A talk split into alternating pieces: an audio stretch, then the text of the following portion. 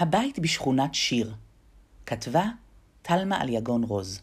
מספרת טלי קרק.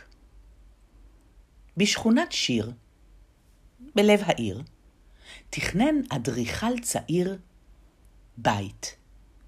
וכיוון שהיה חובב מוזיקה נלהב, קרא לכל קומה בשם של תו. קומת הקרקע, הלא היא דו, ואחריה קומת רה ומי ופה וסול ולה, קומת הגג הלא היא סי, משקיפה על נוף נפלא, בית מיוחד, אין מה לדבר. ועל הדיירים שלו, אני רוצה לספר. בקומת דו, נכנס לגור פסנתרן, ברה, חצוצרן, במי, חלילנית, בפה, צ'לנית, בקומת סול,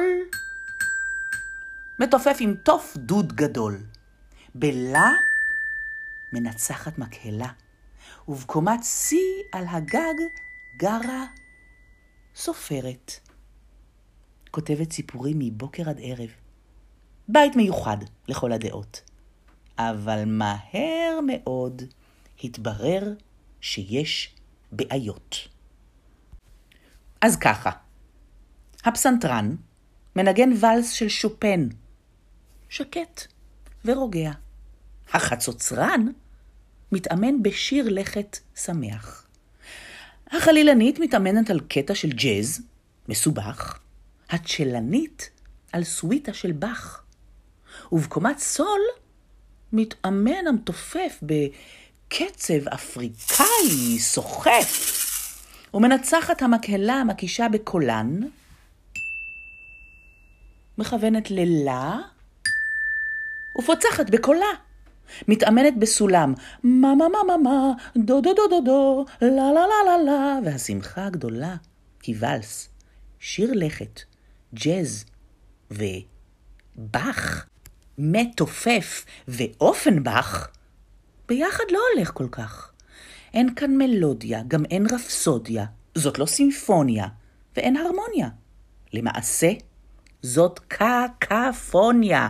ובקיצור, זה לא סיפור, גם לא בידור, זה פשוט טרטור. והגברת הסופרת יושבת על הגג ומקטרת. איך אפשר לכתוב שורה כשמסביב יש רעש כה נורא? איזה מזל רע. לקנות דירה בבית מיוחד כל כך, שמנגנים בו כך בסך אלף מנגינות, מדיסקו ועד באך. ישבה הסופרת וכתבה איגרת לכל הדיירים. שכנים יקרים, אני מאוד מעריכה את הכישרונות הנדירים של כל אחד מן הדיירים בבית המשותף שלנו. רצה אלוהים ולכל אחד מאיתנו זוג אוזניים אחד בלבד, ולכן אי אפשר לשמוע הרבה מנגינות יפות בבת אחת. חוץ מזה, לצערי, אני סופרת, ואם אין שקט אז אני פשוט נגמרת.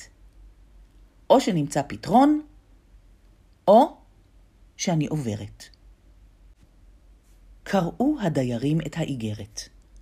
נאספו ועלו ביחד לגברת הסופרת שגרה בקומת C, לבקש סליחה ולחשוב ביחד מה עושים. האספה נמשכה שעות על שעות, עלו שם הרבה הצעות. אולי אה, נבודד את הקירות, אולי נחלק פקקים לאוזניים כמו לטייסים, אולי נצפה את הקירות בקרטונים של ביצים, אולי נבנה בגינה מקלט מיוחד לנגינה. אולי נהפוך את המרתף לאולפנים, אולי נקבע לוח זמנים, וכך יהיו מרוצים כל השכנים. ובעצם כולם הודו על האמת שכל המוזיקה הזאת ביחד זה רעש בלתי נסבל בהחלט. אילו לפחות הייתם מנגנים את אותה יצירה. הסופרת אמרה, רעיון לא רע, רעיון נהדר, התלהב הפסנתרן והיה מאושר. כתבה הסופרת עלילה, והפסנתרן כתב לפי היצירה בסולם לה. המנצחת הקימה מקהלה. את המרתף הפכו לאולם, וכשהקונצרט היה מוכן, אספו את כל דיירי שכונת שיר, והזמינו אפילו את ראש העיר, להשמעת הבכורה של סימפוניית הבית המשותף, שכל קומה בו נקראת בשם של תו. ומאז ועד היום חי הבית בשלום. יש שעות לחזרות, יש שעות גם לכתיבה, יש שעות למנגינות, יש שעות למנוחה ולשלווה. ובכל ערב, בשבע בערך, פותחים כולם את החלון ומנגנים ביחד את ההמנון של הבית המשותף הנדיר. הבית בשכונת שיר